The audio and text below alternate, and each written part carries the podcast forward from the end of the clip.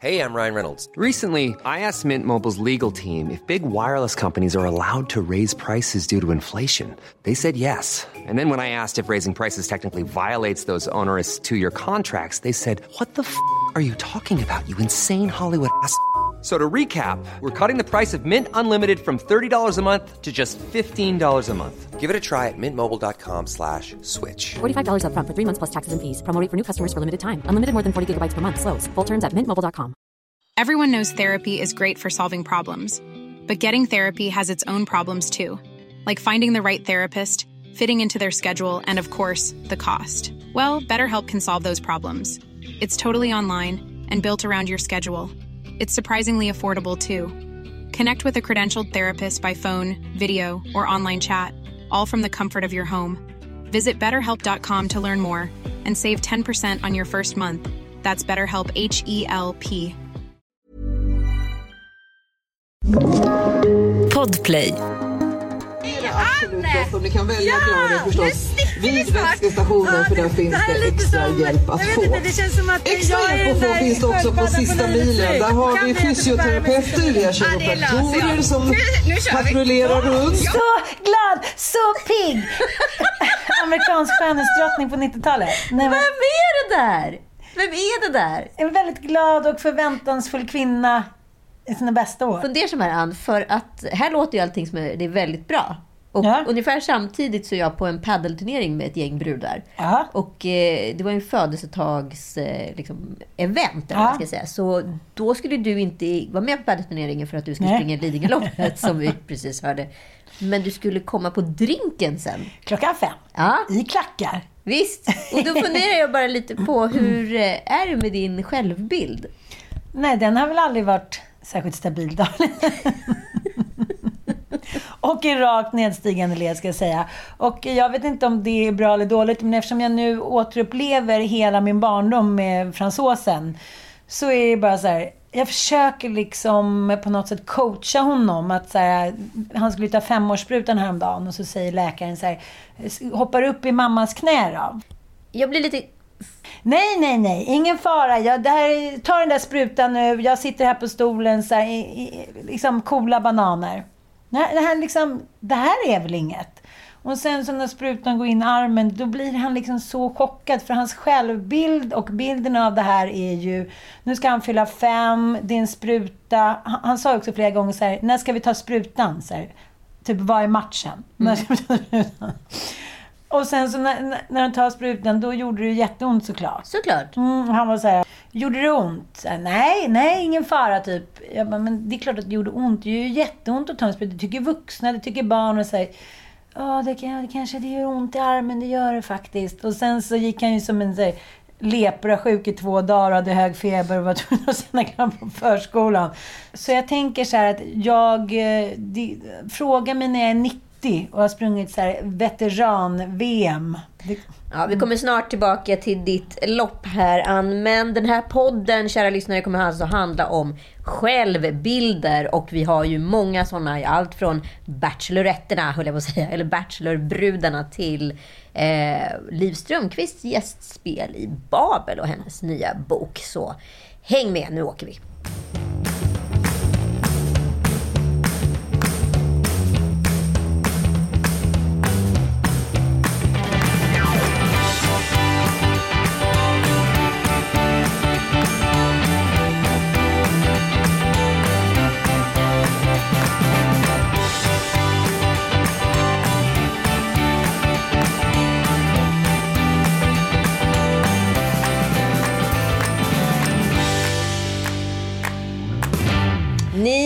På Lille Lördag och den här veckan pratar vi om självbilder som sagt. Och Ann Söderlund, min kära poddpartner, jag heter Anita Clemens för nytillkomna lyssnare, har alltså precis gjort en svensk klassiker, Anhalt 4 av 5. Nu är det alltså bara Vasaloppet kvar. Tre av fyra.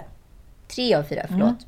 My bad. Men, eh, men jag var ju tvungen att kommentera liksom, hälsans ansikte. Och så såg jag någon annan som också kommenterade. Jag har aldrig sett någon som förberett sig så otroligt lite för en svensk klassiker. Är det, är det någonting du kan hålla med om? Det kanske inte i och för sig har varit så mycket löpning. Nej, Nej. vad har det varit mycket av då? Ja, men paddel och... Oh, och det blir en svensk klassiker. Jag, Har du missförstått? jag har lagt till. Har du missförstått Jag har lagt till. Paddel, den ska paddla längst. Nej, men det, nej, det- nej, det- har inte varit så mycket löpning. Det, fan, det har varit så otroligt lite löpning. Det har det va? För att jag, hör, har ändå hört att just eh, Lidingöloppet är ju typ tuffare än Stockholm Marathon. Säger då erfarna löpare. Som Daniel Lindström som ändå springer sina liksom, 10 mil i veckan eller mer. Jo, jag har ju fått lite sådana DM och det har ju inte känts bra. Nej. Att det, är så här, det är värsta man har varit med om och sista milen är vidare, så här, det är grisigt, bla bla bla. Man går in i liksom väggen, man får kramper och så här. Men tjo tjim! Tjosim! Nej, Upp på hästen! Upp på hästen. Nej men jag, jag vet du dök ju inte. nämligen aldrig upp på den här drinken vid fem, så jag undrar ju såklart, Nej, vad men var det som hände? Då låg jag ju på bår. det gjorde jag inte. För du kom ju nämligen in här idag med två träben. Alltså det såg ut som att du gick på trästyltor när du kom in genom dörren. Ja, men det gör jag ju. Men nu sitter jag ner, då känns det bättre. Men jag vet inte vad jag tänkte. Dessutom så var jag inte ens i mål klockan fem. Så det hade ju varit svårt att vara på en drink klockan fem. Och sen så var, hade jag ju så ont i benen så jag bara tänkte så här, att ens sätta på mig ett par skor, eller ett. Vi har ju tre våningar och sen igår har jag då hållit mig på mellanvåningen. Och i morse skulle jag skjutsa iväg barnet till skolan och tänkte så här, nej men jag får åka iväg i trosor och tröja. För att är liksom, jag går inte upp Ingen hade i och för sig varit förvånad. Nej, jag går inte upp i den här trappan. Försökte frenetiskt leta i olika lådor. För att smärtan är så stark att jag så här, jag åker hellre och är en sköldpadda och sitter kvar i bilen. För du ska än- på träningsresa imorgon. Precis. Eh, så att eh, vi får se. Jag känner så att det här kommer ju alltid sitta i. Det här är ju så chockartat för mina ben och mina knän att jag har sprungit de här abborrebackarna hit och dit. Men, men grejen är det längsta jag har sprungit är ju en mil. Och det har jag gjort en gång för ett och ett halvt år sedan. Och sen dess De flesta som tränar inför Lidingöloppet, de tränar ju liksom lite oftare än för ett och ett halvt år sedan. Men jag tycker ändå att det gick bra. Ja, du tog dig ju i mål. Vi kan lyssna Ja. lite på hur det låtit Ja. där under vägen. Ja. Vi har precis tagit oss första milen Ann. Jag vet. Är bara två kvar. Nu har vi bara två mil kvar. Känns det bra? Ja, men det känns faktiskt ganska bra måste jag säga. Du är stark. Lite känningar i knäna. Det här var en mil och då kände jag så här, men gud, jag är en kenyansk mara. Jag är liksom ett, jag är ett naturbarn. Jag är någon som kan springa mil efter mil på savannen utan att känna något. Här, Ah, wow. ja, ja, det trodde jag. Ja, ja, det är ju tillbaka till självbilden där. då. Men jag tänkte så här, det här är någonting som jag inte har förstått. Jag, behöver inte, jag är snart 50, jag behöver inte träna. Jag är en löpare. Ja, det, är, det är din naturliga liksom, habitat, helt enkelt. Det, du, bara, du, Savannen. du ska ut på savannen. Abisko nationalpark, här kommer jag. Men grejen var att jag hade ju nu eh, Alexandra Pizzoni som min coach, tack gode gud. Och hon, jag ville hela tiden springa lite snabbare. Hon var så här: nej, nu håller du dig lugn och fin. Men under de här tre milen, trots att jag sprang med svår kramp och träben och typ grät sista milen. För du ligger ju på en bår här på det här nästa klippet. Ja, men då har jag ju ramlat. Jag ramlade ju på en rot, som jag sa. Jag vet inte. Men jag ramlade i alla fall och slog upp, liksom, skrapade upp ena aj, si- sidan av låret liksom, och armen. Men, men när man är sådär trött och är liksom så, vad ska jag säga, utsatt, man säger, då, då är det nästan bara skönt att säga, okej, nu fick jag ligga lite här på båren. Men då hade jag sådana kramper så då fick jag eh, Ja, då fick de försöka dra ut och massera lite mina lår. Jag, jag låg liksom och skrek så här, ni kan inte trycka så hårt på mitt muskelfäste. Och då, då visade han på min arm hur hårt han tryckte. Ja. Ja, väldigt löst liksom. Så det, det var ju en smärta. Men det var ju, så var det ju för alla andra också, som de som sprang som är proffs. Manne, bla bla. Alla springer tydligen med kramp sista milen, för då är det ju bara uppåt. Men då gör det också lika ont neråt, för då är ju knäna så tagna liksom. Men jag sprang hela vägen och gick i backarna. Så jag, jag sprang liksom typ i tre mil. Otroligt. Jag, jag är djupt imponerad av dig Ja. och ditt pannben, det får jag ändå säga. Men liksom, jag blir ändå i någon form av chocktillstånd hur lite du känner dig själv. Ja. För, för alla vi andra runt omkring dig känner ju dig mycket bättre än du känner dig själv. Mm, det är sant, det är sant. Men det kanske är bra. Det är kanske är lika bra det. Men jag tänker ändå så här, Anita, sen att, att här, det är klart att jag kan inte rekommendera detta och jag tror inte att alla kvinnor eller män kanske klarar av att springa eh, värsta terrängen i tre mil otränad. Men människan har ju en mycket, mycket, mycket starkare kapacitet av att klara saker än vad man tror. Och det är ju för att vi har blivit intellektuella. En, en apa tänker ju inte så här, nej men jag kan inte klättra upp för det där trädet eller jag kan inte liksom börja slåss med den där storgorillan. Det är ju bara så här. Och sen så kör man på. Ja. Jag kanske är bättre på att använda mina djuriska instinkter än mina mänskliga. Ja, men då måste jag ju ställa en fråga till dig, för jag kollade nämligen på Skavlan i helgen där eh, Leif GW gästade. Och då pratade han om de tre jagen varje människa besitter. Det offentliga, det privata och det dolda. Ja. Eh, och vad skulle du säga är ditt dolda jag? Är det maratonlöparen då, eller? Jag vet inte vad mitt dolda jag är. Men jag är ju en ja-sägare. Det är jag ju. Men det är ju inte dolt. Nej, men vad är då mitt dolda jag? Jag vet inte. Har du något förslag? Eh, nej, men jag tänker ju snarare att du har- har ett, ett anti-jag till allt det där du alltid är. Att du kanske egentligen är en asocial jävel som egentligen bara vill ligga på, i sängen och peta näsan. Liksom. Mhm, Men för att inte kunna vara det så tackar jag till galenskapsgrejer. Precis. Intressant, intressant. Ja, vi ska ju prata mycket om det här med självbilder. Vi ska ju ta oss in raskt på ett av våra favoritämnen i den här podden, nämligen Bachelor. Ja, förra veckan var det ju dramatik vid rosenceremonin. Johodå, johodå, johodå. johodå. Vi eh, ska lyssna på hur det lät. Men jag tror att jag inte har förstått hur värd, värd, alltså värdefullt det är för mig att känna mig som nummer ett. Så jag kommer välja att åka hem. Jättetråkigt. Ja. Men Jag, jag förstår ju dig. Mm. Alltså, jag respekterar alla beslut du tar. Eh, för jag, jag förstår det verkligen, men jag tycker också det är jättetråkigt. Det finns två saker som gör mig väldigt upprörd kring det Victoria har gjort. Nummer ett är egentligen att hon faktiskt inte gav mig en chans. Hon berättade aldrig det här för mig innan. Och det har hon haft möjligheten till. Nummer två är egentligen att jag tycker att man borde vara ganska införstådd med vad det handlar om när man är med i det här äventyret. Man vet om att man dejtar samma person. Aj, Jag vet inte, jag blir bara besviken. Det är verkligen två platser som har försvunnit nu av Alexandra och Victoria som kunde ha varit min framtida tjej. Jag, det gör mig berörd och ledsen. Vi har inte haft någon eh, tid tillsammans och därför inte hunnit klicka någonting. Och tyvärr, jag måste välja bort någon, men du verkar vara en toppen tjej. Ja, det här var ju det som hände att eh, en kvinna eh, kände inåt istället för utåt och kände att det här kändes inte bra, jag kastar in handduken. Ja. Och det får man ju inte göra. Nej. Nej. För att de fick inte en chans. Mamma, det är så här 49 brudar som slåss om dig och du har inte brytt om henne för fem öre. Men sen när hon kastar in handduken och inte vill ha dig, då är hon taskig! Men är inte det en klassisk? Så fort man väljer bort blir man intressant. Ja, helt Det är väl otroligt. alltid den här katt och råtta-leken, vem som är mest intresserad. Så fort man visar minsta ointresse, då bara jaha. Jag vet, men det är också så himla tråkigt att man tänker så här. Det är ändå en ny generation män och kvinnor. Och det det liksom, det är som vi har pratat om innan, tyvärr. Det, det är svårt att förändra liksom, det biologiska ursprungssamspelet.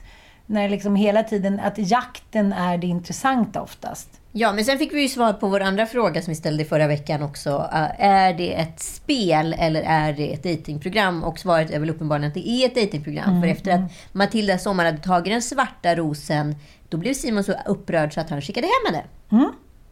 Tönt. ja, och nu har det ju varit lite nya avsnitt och eh, jag tycker det har varit bra avsnitt. Den här Ja, riktigt bra. Ja, man kan ju lugnt säga att mitt popcornkonto har liksom ökat eh, spektakulärt. Ja, men det är riktigt smaskigt nu. Det börjar ju liksom, snaran börjar dras åt på något Mm, sätt. ja. Nya tjejer kommer in i huset och ställer till oreda och kaos. Och, eh, och apropå självbilder så var ju Liv Strömquist, multikonstnärinnan, ehm, med i senaste Babel och pratade om sin eh, nyutkomna bok Inne i spegelsalen. Och där dryftas just självbilder och hur vi har sett ut genom historien och så vidare. Och att hela fascinationen för den här boken, säger Liv, är baserat på Instagram egentligen. Hur vårt samhälle har förändrats från och med att vi hela tiden har en kamera i vår hand och dokumenterar vårt liv och varför vi gör det. Men hon, hon, hon menar ju så här att, att vi kommunicerar nu för tiden liksom genom bilder. Vi dejtar genom bilder. Vi har liksom vårt sexuella kapital, vårt kapital genom bilder. Att det blir så här en flykt från oss själva men också från verkligheten. Att man, så här, man kan bestämma vem man själv är. Men jag tänker så här, vi pratade om det där du och jag innan vi började podda. Den aut, liksom, autentiska människan kommer ju mer och mer på något sätt, vi blir ju mer och mer diffusa eftersom bilden av oss själva är ju mer och mer påhittad. Men å andra sidan så tänker jag rent historiskt har det väl alltid varit att det, Förr i tiden var det ju att man var tvungen att hitta på en bättre bild av sig själv för att överleva, för att man klarade sig inte själv. Man fick inte jobba, man fick, om man inte blev gravid. Alltså det finns allt där. Eh, så jag vet egentligen inte om det är så jävla stor skillnad. Jag vet Men både och. Alltså, det finns ju högkulturer där kvinnor har varit vid makten, exempelvis i Kleopatra. Det har alltså alltid funnits skönhetsideal, oavsett om det varit kvinnor eller män vid makten. Sen så har ju den kvinnliga och den manliga skönhetsindustrin sett väldigt olika ut. Så kan man väl säga. Jo, men Kleopatra framställs ju också i, i varenda jävla efterskrift som så vacker, sexuellt explicit, galen i män, bla, bla, bla. Så att det är ju hela tiden genom historien så är det så här... ja, Historieförvanskningen sker ju genom män. Så. Ja, jag tänker så här, om Kleopatra hade liksom varit klumpfot och typ... Ja, men du förstår vad jag menar. Inte haft det sexuella vackra kapitalet så hade hon ju inte blivit omskriven och förmodligen inte fått den makten heller. Nej, såklart inte. Men angående det Liv pratade om just i Babel, det vill säga SVTs bokprogram med Jessica Gedin. Hej Liv! Hej! Hej. Välkommen! Tack! Och du har ju då i vanlig ordning massa exempel. Alltså det sträcker sig från eh, Lea och Rakel, de bibliska systrarna till idag eh, Kylie och Kim Kardashian-systrarna till exempel. Eh, men jag är så himla nyfiken på om idén till den här boken kom den liksom inifrån eller utifrån? Jag tror faktiskt att det var att jag tittade väldigt mycket på Instagram. Dels att posta egna fotografier på sig själv men också att följa alla andra människor både, både sina vänner och, eh, och kändisar via fotografier de tar av s- sina egna ansikten eller saker de gör. Ehm, så jag tror det var det. Så var jag faktiskt inne och stalkade loss lite på de här Bachelor-tjejerna som man nu börjar få en relation med. Och då tittade jag exempelvis på Elviras eh, Instagramkonto som då verkligen har ett innan och efter Bachelor i bildpresentation. Men också är en tjej som inte alls är den tjejen som uppstår eller framkommer i Bachelor. Jag kan inte, det är några av de här bilderna som jag bara känner så här, vem är den här tjejen? Är det en sam, samma tjej? Ser inte ens ut en tjej. Nej, och då tänker jag så här, om det är den bilden man sänder ut, då är det klart att man attraherar en viss typ av kille. Mm, mm. Som kanske inte är den kille man i slutändan vill ha. När man hela tiden utgår från man själv attraheras av och vill sända ut så blir det ju sällan autentiskt. Mm. Och jag inser hur viktig autenticiteten är. Och sen måste vi ändå droppa en liten bomb här. För jag var ju tvungen att gå in och efterforska lite på Elin. Mm. Nej, men alltså det är så roligt. Det är inte samma kvinna. Nej, det är inte samma kvinna. Nej. Och då tänker jag så här, om idealen då blir mer plastiga så- så beror det ju faktiskt inte på killarna utan det är att vi kvinnor också attraheras av det blonda, det tuttiga, det stora. Alltså det, det måste ju vara det. Ja, men hon, är, eh, hon är ju med då i Ex on the beach 2016 och är då en söt brunett, eh, ja, eh, liksom gullig, har en eh, härligt skönt, ganska vanlig kropp och liksom, ja. Och nu är det ju en, liksom, en bild av det hon tror, tror jag, att män vill ha. Men uppenbarligen har hon ju träffat någonting rätt för hon har ju liksom fått båda de här killarna att bli bananas. Så Mm. någonting har hon ju liksom lyckats... Hon har ju avkodat någonting. Mm. Någon form av ideal som tydligen män har nu för tiden. För jag tänkte ju ändå så här, för nu kom det in en ny tjej. Men det är ju vi, det är ju vi kvinnor som har satt idealet. Det är ju det. Vi har via Instagram och den nya världens skönhetsideal som man kan göra då med botox, fillers och allt vad det nu är, operationer. Liksom, vi har ju presenterat den här valkyrien att det här ska män tycka är hett. Det här är det nya idealet, för att det är vi som tycker det. Då så att det är män som vill ha det. Mm, mm, mm. Män har inte så mycket åsikter Nej, egentligen. vi, det är vi som tror att män vill ha det, för vi vill se ut sådär. Men det var ju ändå väldigt intressant stämning. Det kom in en ny tjej som tidigare då dejtat Sebastian eh, Mm. ett par gånger i Stockholm. Eh, sen hade det runnit ut i sanden på grund av tidsbrist och nu helt plötsligt dyker hon upp som en utav! Bachelor-tjejerna. Mm. Här har vi då en icke-opererad, liksom naturligt skön kvinna. Precis. Jag tänkte när hon kom in, eh, eller hon kom ju som en liten eh, surprise på di- tri- trippeldejten på båten. Ja. Och eh, jag tänker lite så här Jennifer Aniston i Vänner. Verkligen, verkligen, absolut. Ja men eh, the hot girl next door. Så här, ja men vanliga, liksom vanliga tuttar, vältränad, söt och glad och eh, smart och pigg. Typ. Och sen när hon kom till huset så konstaterades det ju också att hon är väldigt lik Elin. Men det värsta var väl kanske för Elin att hon var ju en naturlig Elin. Precis, precis. Eh, Hon var inte en fixad Elin. Precis. Och eh, det kändes så tydligt. Och jag kände det själv också. att så här, kvinnor, kvinnor som är snygga i sig själva och är nöjda i det blir ju ett mycket, mycket större hot om man nu ska snacka om hot. Och det måste man ju göra i Bachelor. Absolut. Än kvinnor som har fixat sig. Och jag tror inte att man tänker på det dagligdags. Men när någon kommer och är autentisk så är det som att allting rubbas. Om vi tar eh, Linda Makris då. Hon blev ju helt förstörd, som hon säger också. att hon visade, hon gjorde så här som en gest och visade upp, liksom, han såg inte ens det här längre. Och så tog hon liksom upp sin blus, om man ska säga. Att när den här vanliga tjejen kom in så blev hon osynlig. Mm. Så att jag, jag tänker ändå att... Eh, Det finns något hotfullt med eh, det naturliga. Ja. Autentiska på något sätt. Ja, för det är väl det som alla... Man vill vara den liksom, hetaste personen i byn av sig själv. Ja, men lite som Liv Strömquist pratar här om i Babel i SVT om eh, Cecilia, kejsarinna av Österrike, eh, som då tränade och var liksom en kvinna som var väldigt mån om sin eh, smala midja och sitt yttre. Hon tränade liksom barr och romerska ringar. Och Det var väldigt hög nivå, späknivå. Och hon, hon hade ju en omtalad midja som liksom, det pratades vitt och brett om. Hon hade ju också hår ner till fötterna. Hon hade ju en anställd som bara kammade hennes hår då, så att inte det skulle bli knöggligt. Ja, och Liv Strömquist drar ju då parallellen mellan Cecilia av Österrike till eh, ja, men exempelvis Jennifer Lopez.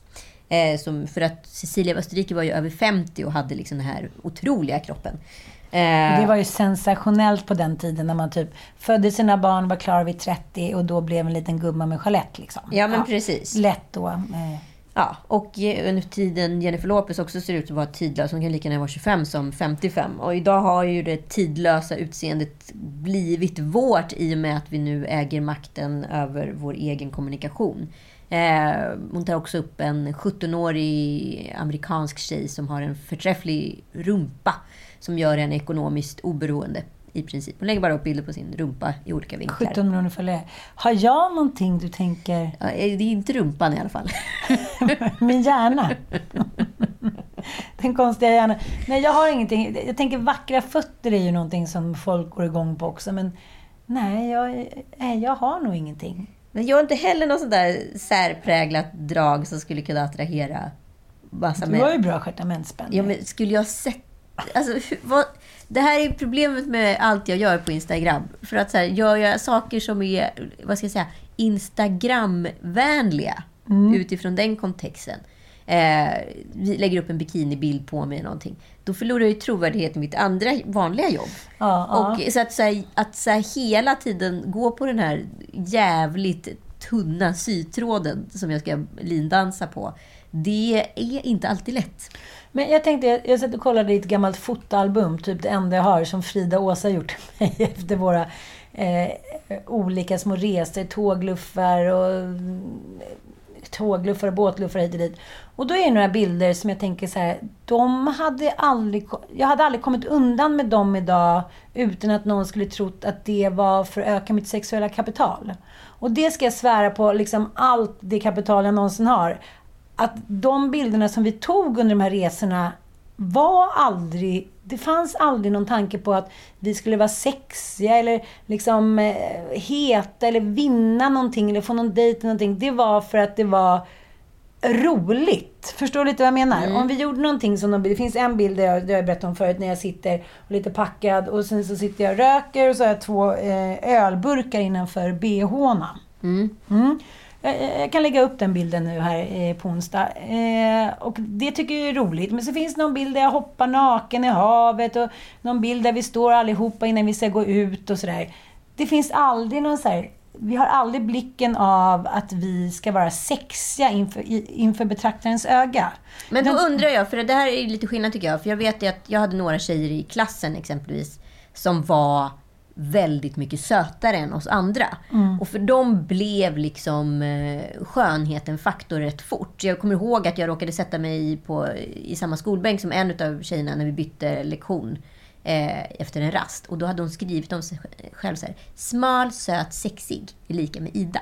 Om sig själv? Ja. Kanoners. Kanoners. Och det här var ju alltså i åttonde klass. Mhm. Men då tänker jag, i alla bilder som jag sett har, som jag har på henne, där, vad heter det, var hon också väldigt mån om sitt utseende. Att alltid utstråla det där attraktiva. Vi som aldrig liksom kom från en naturlig skönhet, eller vad ska jag säga. Mm, mm. Vi kanske inte heller behövde förknippa oss med att vara... Det blev aldrig ett ID för oss att vara vacker, för den tävlingen tog aldrig vi. Den är Under- den över. Ja, under tiden en tjej idag som kan med hjälp av skönhetsindustrins medel helt plötsligt ta upp kampen om det vackra jaget. Mm. Men vet du vad, jag- där säger du någonting som jag tycker ändå är en utveckling, någonting som är bra med, för det pratar jag också eh, Men är det bra? Jag tänker att det snarare är skadligt. Nej men fast vet du, jag kan tänka så här, jag tänker de tjejerna som jag hängde med på högstadiet. De var ju så här, ja men Sofie och Sofie och, ja men vi var fem tjejer och de var ju skitsnygga. Jag vet inte om jag var det, det kanske någon tyckte så här, men det var ju ingenting som jag själv tänkte. Nej, och det Men måste de gjort dig också- grundad. Jo, men de, de fick ju också stämpeln att de var snygga tjejer som inte var bra på något annat. Precis. Så de gick då, ingen av dem, flera av dem gick inte, började inte gymnasiet, de skaffade barn tidigt. De hade redan stämpeln på sig att de var snygga och då var de inte smarta på något sätt, även fast de skulle ha varit det.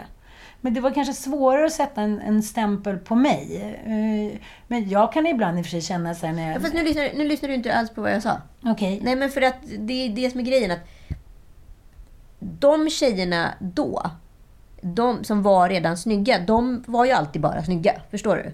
Och vi tjejer som inte var så snygga, vi hade helt plötsligt möjligheten att ta en annan identitet. Vi kunde vara roliga, vi kunde vara smarta, vi kunde vara liksom något annat. Och då tävlade vi i det facket och skråt. Men idag, när en tjej har möjligheten att med hjälp av eh, alltså skönhetsindustrin kunna gå upp och tävla med de snygga tjejerna, då förändras ju idealet.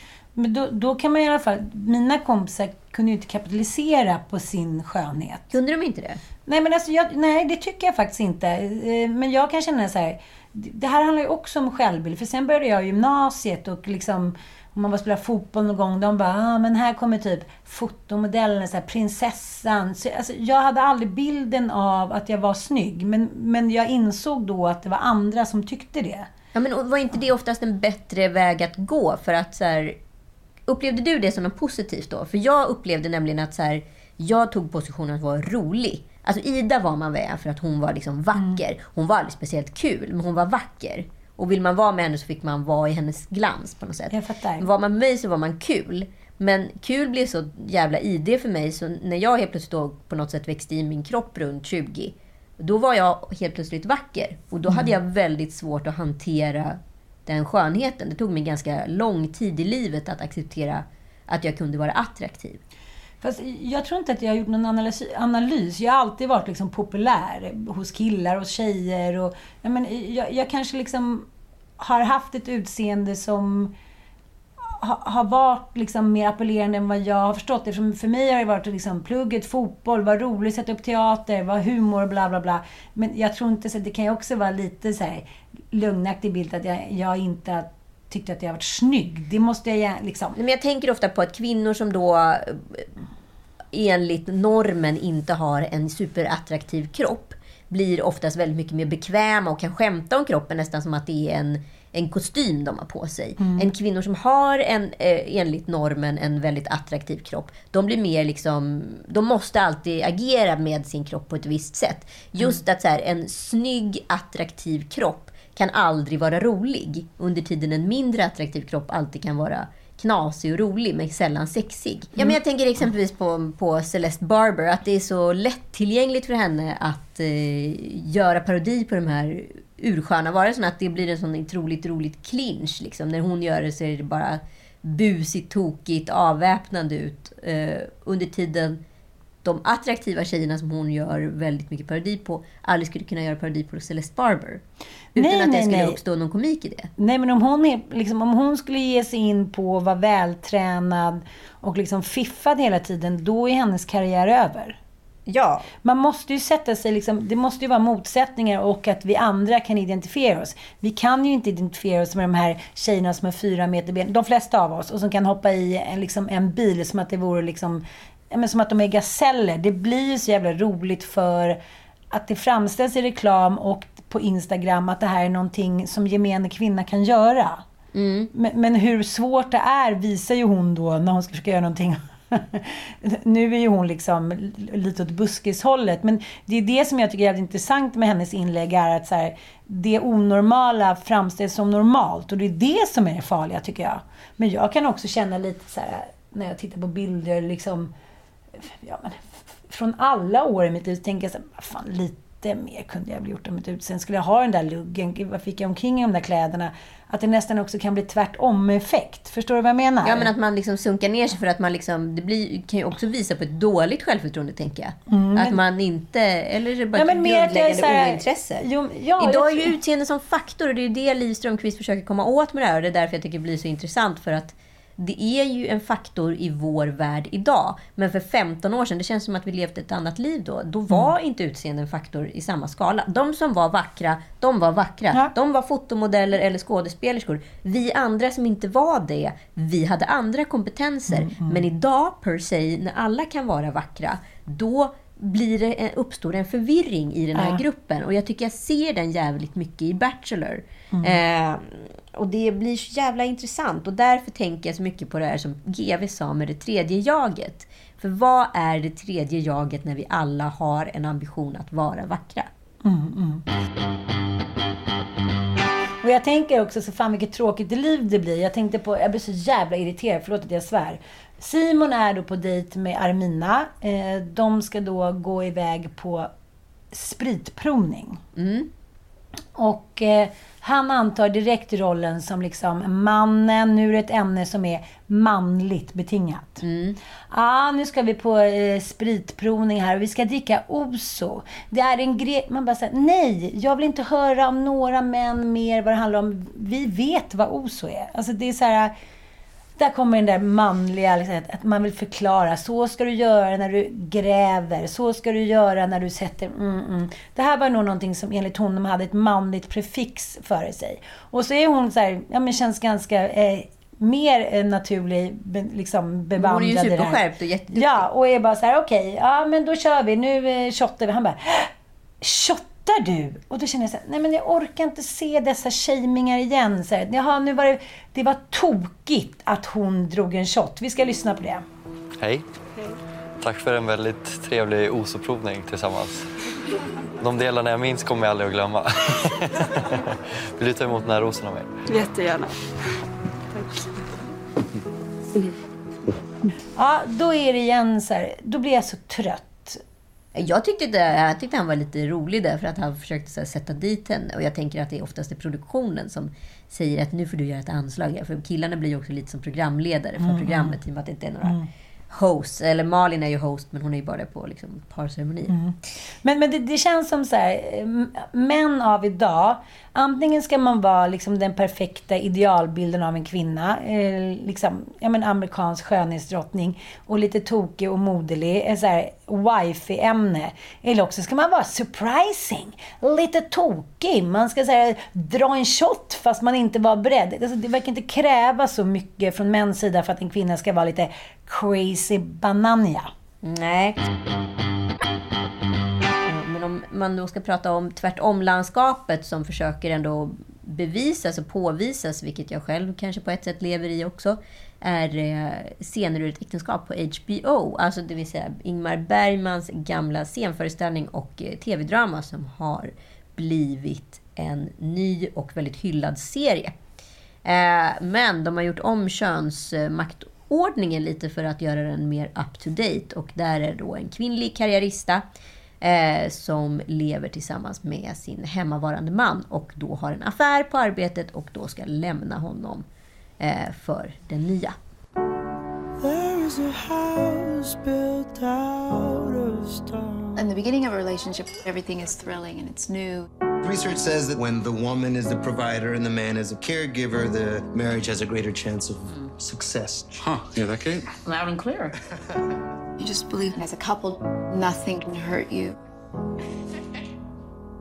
And then you gradually start to realize that actually anything can hurt you. We're gonna sit here and we're gonna talk as long as it takes, okay? But there's nothing left to say. What is this? What is this thing where we can't talk? This is a place. Do you know how long I've wanted to leave? I'm gonna go out of my mind if I don't leave right now. Right now, like right this second. If I don't leave right now, I know I'm never going to.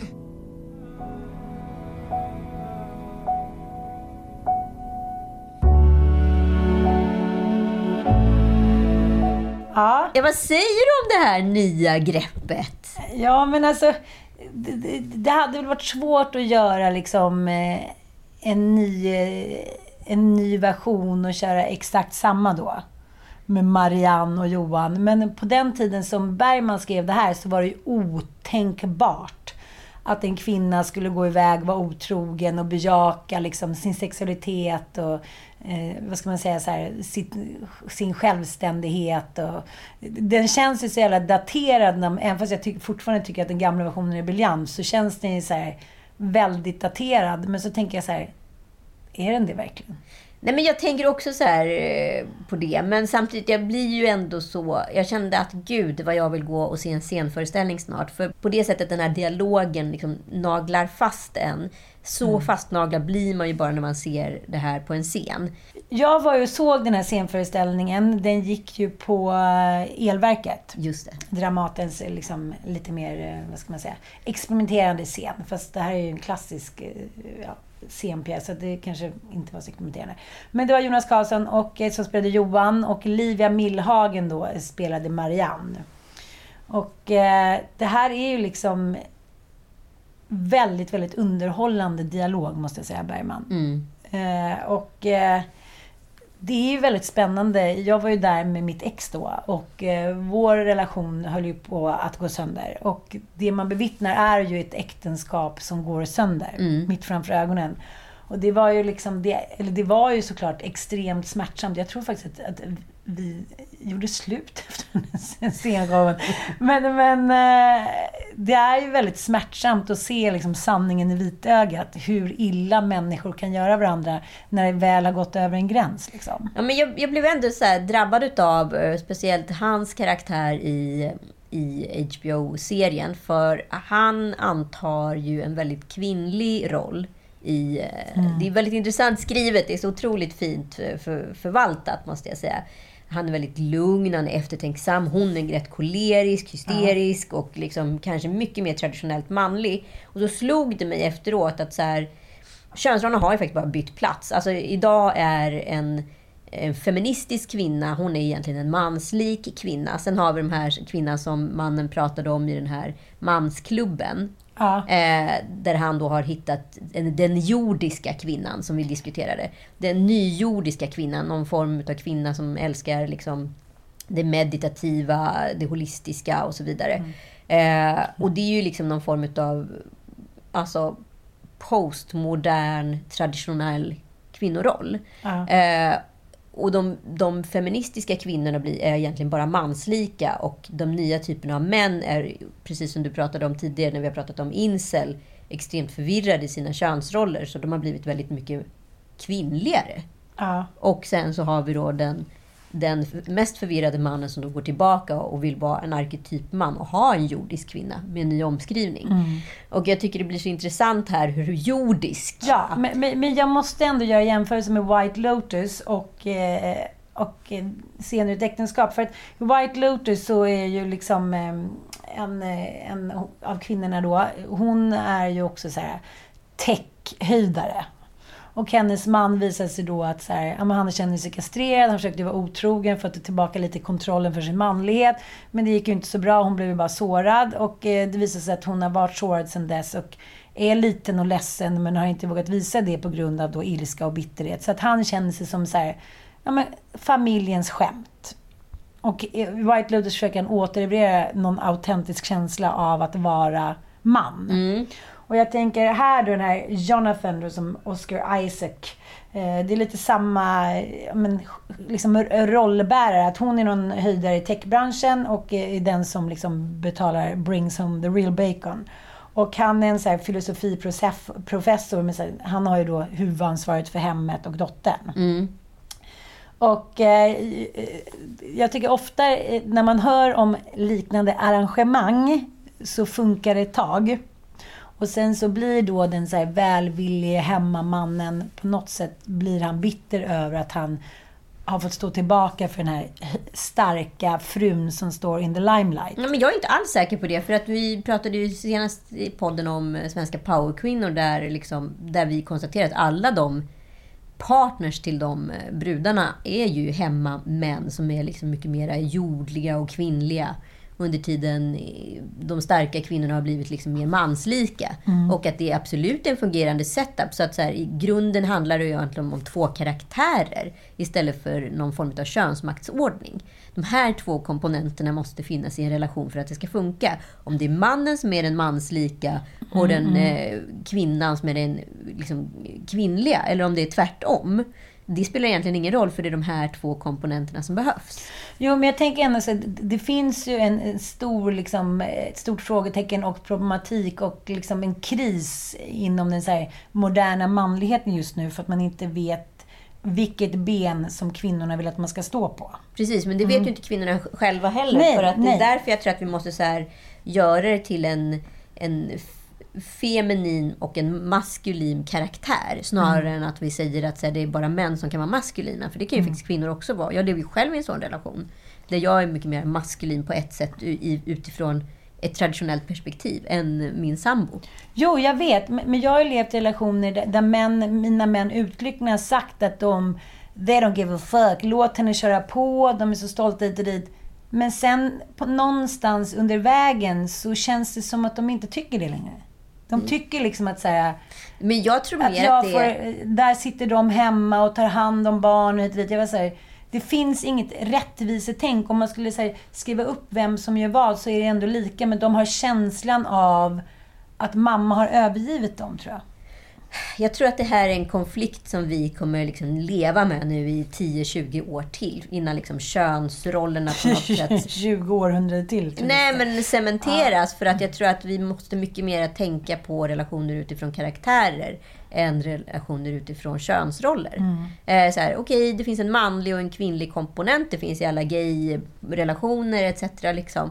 Eh, de här två karaktärerna kommer behövas för att så här, kunna infria en bra relation. Och vem som intar vilken roll, det spelar i, i förlängningen inte så stor roll för samhället, bara att de här karaktärerna finns i relationen. Så jag tror att det, var, det är så jävla intressant att börja tänka och öppna upp sinnet och tänka i de situationerna istället för att göra det till manligt kvinnligt hela tiden. Okej, vi har varit där, vi är där. Eh, det, har, det har i vissa fall blivit förjävligt, men det kanske är så här samhället ska se ut i framtiden. Att det Mm. finns två, en tvåkomponent. Liksom. Men det Mira gör i eh, Senare ut äktenskap, det är att hon har ju blivit förälskad i en som är som henne själv. Mm, mm. Eh, och den situationen uppstår ju då och då. Att två pluspersoner, som jag skulle kalla det, Mm. blir förälskade. Men det blir ju snarare långvariga relationer. Än en, en maskulin och feminin karaktär. Men jag tycker att det här är så otroligt sevärt. Det enda som jag känner, som jag tycker känns kanske... Det som är så jävla, eller kul, det som var så otroligt liksom eh, avantgardiskt med den här liksom, serien när den kom ut. Bergman ville ju göra en film, fick inte stålar till det för ja, massa olika orsaker och sålde då in en, en TV-film. Gick in med stålarna själv tillsammans med... eh, Ja, det var även Erland Josefsson när han gick in med stålarna, Sven Nykvist. Eh, de tog av sina egna pengar och fick mångfaldigt tillbaka. Men det som var så brännande under den här tiden var ju att det var den första vågen superfeminism som bara så här sköljde över världen. Eh, kvinnor, liksom, eh, just det året när den kom ut så skilde sig ju kvinnor så här en massa över hela världen och särskilt i Sverige då så fick Eh, när sambeskattningslagen slopades. Så det här var ju liksom det var någonting helt nytt. Att så här, aha, med feminismen, kvinnors självständighet. Och eh, det är ju det som Marianne också verkligen har insett själv. Att hon att det är Johan som liksom på något sätt har styrt hela den här relationen och hon har varit liksom, ja men, den ömma modern liksom. Så att, eh, men det är ändå intressant att alla relationer man tror att man på något sätt är över det och sen så... Den är jävligt snygg den där scenen också. Om jag kommer ihåg den eh, scenen så jävla tydligt från Dramaten att när då Johan och Marianne ska skriva på skilsmäss skilsmässoförhandlingarna och tror så här, men nu är det över, vi har båda gått vidare så här, och sen bara blossar upp så här. Ja, men på något sätt kanske den kärleken som inte blev, förbittringen hit och dit. Och det är jävligt intressant det som Bergman säger, att har man varit kär och förälskad i någon så står man alltid varandra nära och det kan blossa upp när som helst. Liksom. Ja, det är fan spännande. Ja, och det är så jävla sant tycker jag. Men det är det jag menar med den här nya, liksom, nya ja, moderniserade serien. Att det blir ju inte samma brinnande fråga att en kvinna har den här rollen. Det ser ju vi liksom i vår vänskapskrets hela tiden. Så det är någonting som jag tycker fattas i. Jag tycker man ska kanske dragit ett varv till. Typ. Ja, men jag funderar på hur det där förlåtande beteendet kommer gå i framtiden med tanke på att i sociala medier idag är samhället väldigt dömande. Mm, du, du får mm. göra få fel. Du Mm. får göra få fel och du... Skulle, alltså, Jävligt så här- kör direkt. Ja men precis, det jag menar. Så här, skulle du börja så här, hänga ut ditt ex och etc. och liksom bjuda in hela den publika arenan till en separation. Så skulle du ju aldrig kunna gå tillbaka och bli förlåten. För då skulle ju du bli straffad. Precis, precis. Så det det är inte en väg att gå. Jag tänker så här... Så det ska bli intressant att se hur de löser det i det här. Mm, de har ju inte kommit dit än i serien. Men eh, vi har ju fått ett kärleksproblem på vår hals, kära fröken. Underbart. Underbart. Underbart. Hoppas att, eh, att eh, de som fick svar förra avsnittet ändå känner sig lite nöjda. Lite sedda. Ja. Och hörda framförallt. Det är en tjej här som är kär i en gift yngre man, men kan inte släppa honom. Nej, okej. Eh, och vet inte hur de ska göra. Det här, tack för allt kött jag fick på benen. Jag har aldrig känt mig magrare. Okej, har det hänt något? Vad tycker han? Eh, Jobbar ni tillsammans på samma jobb? Finns det något intresse? Bla, bla, bla, bla. Nej, men det, tillbaka till det dolda. Det här är väl ett typiskt exempel på det dolda jaget. Ja. Det där som så här, han då lever i en relation, han är yngre än, än hans älskarinna, han är gift. Eh, de har bestämt sig för att avsluta, men hon kan inte släppa honom. Någonting säger mig att de kanske jobbar ihop. Ja, det tycker jag också Det visst luktar det lite jobbar ihop. Ja, men alltså det finns ju... Det finns inget mer spännande än att ha en liten flört på jobbet. Ja, men det är väl så va? Ja, det är ju verkligen så. Tänk dig från att här, man sitter... Jag, jag har en kompis som eh, jobbar på kontor och nu har hon en liten flört på kontoret. Och från att hon har tyckt att det här är typ det segaste jobbet i svensk arbetshistoria så är det så kul att gå till jobbet. hon skuttar lite. Åh, bara för att stå vid kaffeautomaten och bara uh, uh, flörta lite. Det, det, är liksom, det lättar ju upp människors vardag. Och det, det är det här man kommer tillbaka till moraliska dilemmat. Vad går då eh, det moderna tecknet vid att så här, otrohet? Och vissa säger så här, jag skulle tycka att det var värre om man typ blev kär i någon på jobbet eller att han låg med någon hundra gånger. Det är så här... Ja, men en liten flört. Och så ska man sätta in i samma situation. Så här, om Mattias stod på jobbet vid kaffeautomaten varje dag och tyckte att någon tjej på jobbet var typ det hetaste han hade sett. Och så börjar man smsa lite. Vad ska du göra i helgen? Fan, du är så härlig och bla bla bla. Och så går man över gränsen. Men, men eh, människan är ju väldigt dålig. Jävligt dålig med det här med självbild. Tillbaka till det, Ja. eller hur? För Jag vi tänk- tror ju saker och ting om oss själva som vi sällan kan infria. Jag tänker med Liv Ullman under inspelningen av Scener ur ett äktenskap så hade ju, ja, men de hade ju skilt sig ganska nyligen, hon och Mm. Ingmar. Och han hade då blivit tillsammans med sin gamla kärlek igen, eh, som han hade liksom åtrått och velat ha under många år, med Ingrid Bergman. Som han levde med tills han dog och så var hans livs kärlek. Och eh, så kommer hon dit, de hade ju inte så stor budget så de spelade in hela Scener ur ett äktenskap på Fårö. Ja. Mm. Och sen så ser liksom Liv då att Ingrid går i hennes gula gummistövlar ute på gårdsplanen.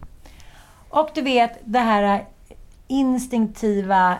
Även fast hon inte var särskilt kär i Ingmar längre, det var ju hon som hade lämnat honom, så blev hon så svartsjuk så att hon hoppade ner i en vedlår och och låste. du vet, Så det är ditt råd till eh, våran frågeställare att hon ska hoppa ner i en vedlår och låsa? Nej, men det är saker som triggar igång en som man liksom tänker så här, nej, vad fan, hur kan det där, hur kan ett par, liksom, det är ofta så med den mänskliga naturen att det är små grejer man ser sig, men det har ju du och jag pratat om, jaha, Nu vet de på semester typ i Paris. Han Ja, men det är som i Paris. Bachelor, när hon då visar ointresse, det är då han blir intresserad. Mm, alltså det här är en mm, klassiker. Här har då den här mannen då gått tillbaka till sin äkta hälft eh, och då frikopplat sig sin älskarinna till ett äventyr och helt plötsligt blir eh, hon väldigt förtjust och passionerad och kan inte tänka på honom. Eh, om de jobbar på samma arbetsplats så är det ju en stark rekommendation faktiskt att sluta jobba ihop. Ja, eh, För det kommer, det aldrig, helst. ja, det kommer aldrig sluta bra. Så kan vi, det kan vi bara med historie vingslag konstatera. Men, Stoppa inte fingrarna i syltburken. Och det är världens svåraste. uppgift ju. Mm. Sen så tror jag att eh, det är svårt att bli refuserad. Man måste ha någon form av avslut. Men det där avslutet som man vill ha, det kommer man aldrig få. Nej, aldrig, aldrig som på film. Och sen har vi en annan fråga här. Jag har träffat en man som är 53 år, jag är själv 27 och allt känns bra. Men hur gör man med omgivningen? Han var själv ihop med en yngre kvinna innan mig och inga problem för det. Han säger att det bara han, att förr handlade det bara om klass, nu ålder eh, och man får göra vad man vill. Men det funkar ju inte riktigt så, tänker jag. Jag vågar ju knappt berätta detta för mina vänner, än mindre med min familj. Men hur ska man eh, göra? Jag tänker inte gifta mig med honom, men han har dessutom en son som är ett år äldre än mig.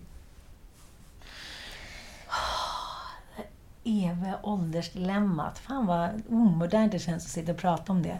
Sen är det alltid så här, jaha, man kan ju vara 53 och man kan vara 53. Jag ser så många olika sorters 53-åringar framför mig. Um, kommer ihåg när jag eh, hade en älskare när jag var 19 och det visade sig att han var 37 och inte 27 som han hade sagt. Och min pappa, du vet, han var så upprörd. Han skulle fixa någon bössa och han skulle hit och dit. Det var liksom en sån otroligt stor grej. Och nu när jag tänker så här, om en 20-årig tjej hade varit ihop med en 37-årig kille. Jaha, jaha. Okej, skulle det varit så himla, himla otroligt? Vet, jag var så sårad att han hade ljugit om sin ålder och hans polare avslöjade det här för mig att nej, han var minsann inte 27, han var 37. Som att det gjorde då att jag... Nej, jag vet inte. Samtidigt så sitter jag ju själv typ i, i Sanna som min podd och hackar på den kvinnan som lever och har sexuell relation med Ulf Lundell, 71. Så att, nej gud, nu är jag som god kålsupare Ja, som känner så herregud. Det dubbelmoral. här, det här att, var eh, ju liksom... Gör vad du vill, men vad du än gör så stå för det. Så känner väl jag. Åh! Så kålsupare så. nej, Nej, jag I rest my case i den här. Jag Nej, känner men att jag jag är inte betrodd. Nej, men jag tror så här. Jag hade också en eh, äldre relation med en man när jag var ja, men runt 27 faktiskt. Eh, En äldre relation.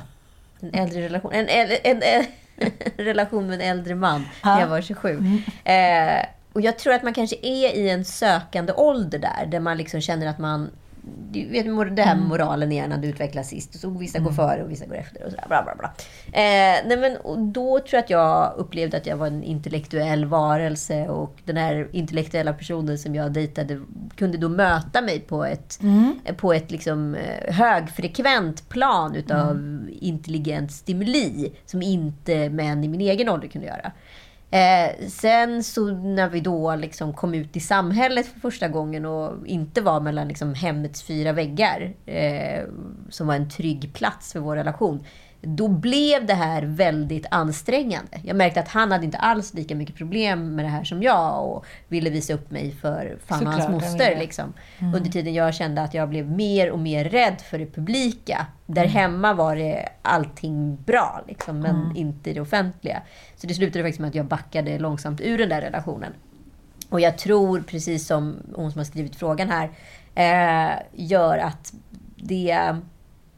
Ja, du kommer verka var du kommer ta den här relationen. Eh, och det är ett, absolut ett nödvändigt äventyr för att kanske i sin odyssé utav att veta vilken typ av man man vill ha Mm. längs med vägen eller partner. Men så jag kan måste- det här vara en utav, en utav många liksom anhalter som måste kryssas. Mm, men jag måste ändå kasta in en brasklapp där med att det, det förr i tid, eller förut var klass och nu ålder. Det är både klass och ålder. Jag tänker så här, en, en man då som har en yngre tjej som har så här, ja, men good looking, har stålar, eh, är någon att räkna med, har god renommé, kommer med 27-åring så är, är inte, tycker inte folk att det är jättekonstigt nu för tiden heller. Nej, nej, absolut Nej, inte. nej. Ja, nej, det är svårt det här med självbild. Men eh, tyvärr måste jag avsluta nu för jag ska hem och sanera hemmet. Jaha. är det för att du har varit borta en helg eller vad, vad handlar det här om? Det är för att jag var borta i 12 timmar. Nej, men eh, vi skulle iväg då. Jag skulle springa ett lopp och mannen eh, skulle eh, spela golf. Hör och häpna. Och eh, då kom han på det här i sista sekund på fredagen att han blev medbjuden på någon golfgrej. Och då blev det liksom, nu ska alla så, här, stanna upp och höra upp och så här, hjälpa till för vi behöver en, en barnis kom vi fram till då att eh, Frasse skulle hämta någon kompis, Bobo kunde vara med, med Ilon och Dante. Ja, men vi löste det liksom på något sätt i alla fall. Så på morgonen ska vi åka iväg och då ska eh, Frans in till sin kompis, men då inser han att Bobo får ju vara hemma med brorsorna. Oj, oj, oj, nej nu blir det tandagnisslan och gråt och stor liksom avundsjuka. Så då slutar det med att eh, de får vara hemma alla fyra. Okej. Ja, det här gäller några timmar då. Mm, sen ska de gå på bio, allt är förpreppat. Så då får Frasse också vara hemma då. Men brorsorna sover ju. Mm. Och eh, Frans då som har ärvt sin mors källbild. Inget är något problem. Eh, tänker då att ja, här är det ingen jävel hemma. Jag får väl köra mitt eget race. Blir sugen på bullar. Kan man bli när man är fem år? Fyra. Eh, hämtar bullar som är frysta då såklart, för han hämtar dem i frysen. Ska mikra dem då. Mm. Tänker så ja, tänker lite då. Han har ju eh, liksom, tillsammans med mig har vi då lagt in de här frysta bullarna, men då lägger vi in dem i ugnen. Och då har vi satt in det på 15 minuter ungefär. Så det kommer han ihåg, så att han sätter det på 16 minuter i mikron. Och det är kvar där inne. Han känner att det kanske luktar lite bränt och så här, men det är ju 16 minuter det ska vara. Efter 16 minuter kommer ilen upp, du vet. Ja, det, det, det var lite bränt och det, det, det luktar lite bränt, det gör det. Ah, det, Och, det hade eh, brunnit lite? Det hade brunnit lite. Och eh, de här bullarna, nej, de, blev inte goda. Och eh, ja, saneringsvem. Så då tänker man sig, ja, han kanske inte ska vara, ska, ska vara själv hemma med två sovande brorsor framöver. Nej, men det var som Tom Allan då var blev lite arg på mig förra veckan och då ska han då markera mot mig. Så han var så här. Jag ska flytta hemifrån nästa gång jag kommer till dig. Jaha. Han ska ändå komma hit. Han ska ändå komma hit för att sen flytta. Ta avskedet.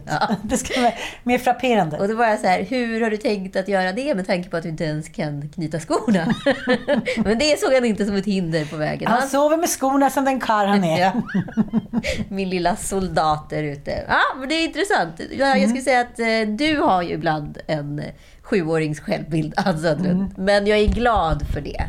Tack älskling. Ja, för det är djup underhållning och eh, du är ändå mitt, eh, mitt eh, inre pannben, kan jag säga. Jag tänker, Tack, måste älskling. tänka på att jag måste bli som han. Vad härligt, tack. Och du är mitt. Det får vi se.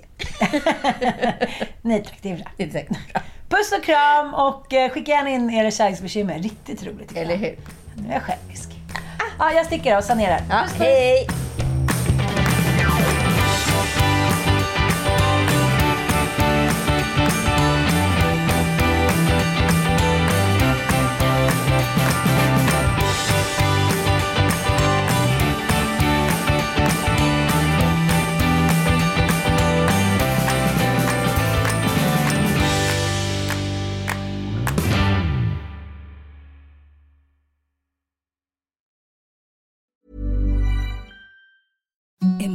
Softest sheets you've ever felt. Now imagine them getting even softer over time. That's what you'll feel with Bowl and Branch's organic cotton sheets. In a recent customer survey, 96% replied that Bowl and Branch sheets get softer with every wash. Start getting your best night's sleep in these sheets that get softer and softer for years to come. Try their sheets with a 30-night guarantee. Plus, get 15% off your first order at bowlandbranch.com. Code BUTTERY. Exclusions apply. See site for details.